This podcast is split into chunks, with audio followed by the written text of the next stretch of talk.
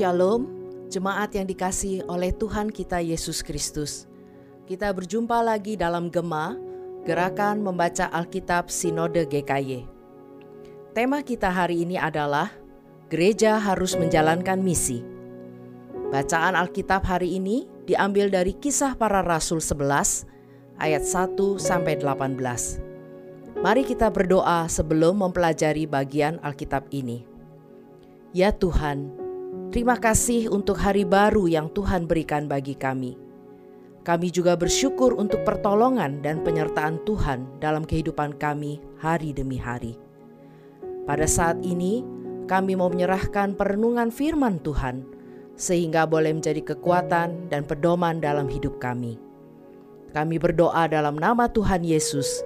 Amin. Jemaat yang dikasihi Tuhan, Mengubah pandangan masyarakat yang sudah diyakini secara turun-temurun adalah hal yang tidak mudah. Hal itulah yang terjadi pada bangsa Yahudi. Mereka sangat yakin bahwa mereka adalah bangsa yang istimewa di hadapan Allah karena mereka mewarisi hukum Taurat. Sesuai dengan pengajaran hukum Taurat, bangsa Yahudi memandang sunat sebagai simbol identitas mereka sebagai umat Allah. Akibatnya, mereka menganggap bangsa yang tidak bersunat tidak layak menjadi anggota umat Allah. Berdasarkan pandangan tersebut, orang-orang Yahudi di Yerusalem menilai bahwa kehadiran Rasul Petrus di rumah Cornelius merupakan masalah serius karena Cornelius dan keluarganya adalah orang-orang yang tidak bersunat.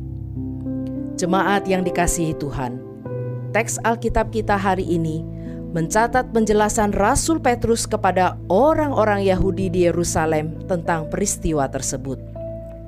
Rasul Petrus memberikan dua argumentasi untuk menjawab keberatan mereka. Pertama, kehadiran Rasul Petrus di rumah Cornelius merupakan wujud ketaatan kepada pimpinan Roh Kudus. Kedua, Pimpinan Roh Kudus diungkapkan melalui penglihatan yang berulang sampai tiga kali, kesesuaian antara keyakinan akan pimpinan Tuhan dan peristiwa atau pengalaman, serta tanda bahasa roh. Jemaat yang dikasihi Tuhan, di sini saya perlu menjelaskan bahwa tanda bahasa roh diberikan kepada orang-orang bukan Yahudi, yakni Cornelius dan keluarganya yang hadir pada waktu itu. Tujuan Roh Kudus memberikan bahasa roh adalah untuk meyakinkan orang-orang Yahudi yang hadir pada waktu itu bahwa keselamatan juga diberikan kepada bangsa-bangsa lain selain bangsa Yahudi. Hal ini dijelaskan di ayat 10 ayat 45 yang berkata, Semua orang percaya dari golongan bersunat yang menyertai Petrus tercengang-cengang karena melihat bahwa karunia Roh Kudus dicurahkan ke atas bangsa-bangsa lain juga.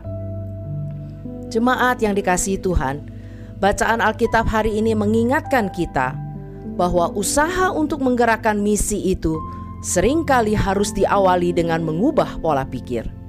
Sebagai contoh, ada gereja tertentu yang memegang keyakinan yang keliru bahwa misi baru perlu dimulai bila gereja sudah tidak menghadapi masalah lagi. Atau ada gereja lain yang menganggap pekerjaan dan pelayanan misi adalah tugas dari badan misi yang bertugas mengutus misionari. Padahal, sebelum kembali ke sorga, Yesus Kristus memberi amanat kepada para murid untuk menjadi saksi di Yerusalem dan dalam waktu bersamaan ke Yudea, Samaria, dan bahkan sampai ke ujung bumi. Jadi, Para murid tidak perlu menunggu masalah di Yerusalem sudah selesai, baru ke Yudea dan daerah lain untuk mengabarkan Injil. Hal yang sama juga berlaku dalam gereja kita hari ini. Bila gereja tidak menjalankan misi, masalah dalam gereja tidak akan menjadi beres. Sebaliknya, bila gereja menjalankan misi, maka setiap anggota gereja akan terarah keluar kepada hal-hal besar dan dampaknya adalah bahwa masalah-masalah kecil tidak akan dipersoalkan lagi. Jemaat yang dikasihi Tuhan, sebagai refleksi dari pelajaran hari ini, mari bertanya kepada diri sendiri: Bagaimana dengan gereja saya hari ini? Apakah gereja saya selalu sibuk menyelesaikan masalah-masalah kecil dalam gereja, atau saya dan gereja saya taat menjalankan misi menjadi saksi Kristus sampai ke ujung bumi? Usaha-usaha konkret apakah yang sudah saya dan gereja saya lakukan untuk menjalankan pelayanan misi sampai ke ujung bumi? Mari kita berdoa.